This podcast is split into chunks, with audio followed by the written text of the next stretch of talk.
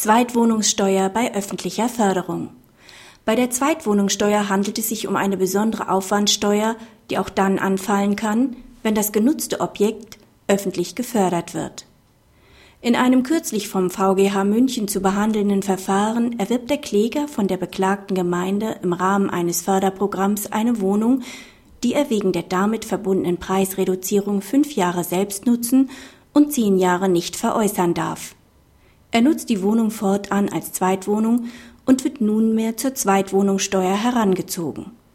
Dies ist nach Auffassung des VGH zulässig. Das Innehaben einer Zweitwohnung ist typischer Ausdruck und Indikator besonderer wirtschaftlicher Leistungsfähigkeit. Daran ändert sich auch nichts durch die öffentliche Förderung des genutzten Objekts, so dass dies die Besteuerungsmöglichkeit nicht beeinträchtigt. Eine Ausnahme führt zu einer ungerechtfertigten Privilegierung, weil die Steuer für die Zweitwohnung nur von deren Besitz, nicht aber von ihrer Finanzierung abhängig ist.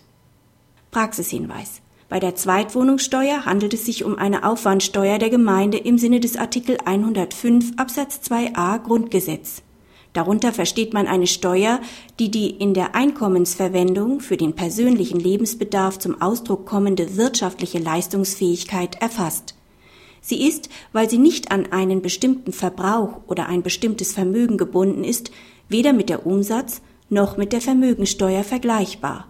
Da sie nur auf die Leistungsfähigkeit des Immobiliennutzers abstellt, bleibt unerheblich, wie das genutzte Objekt finanziert worden ist. Würde man öffentlich geförderte Wohnungen von der Steuerpflicht ausnehmen, erstreckte sich die Befreiung auch auf einen Nutzer, etwa einen Mieter, der den Erwerb nicht vorgenommen hat.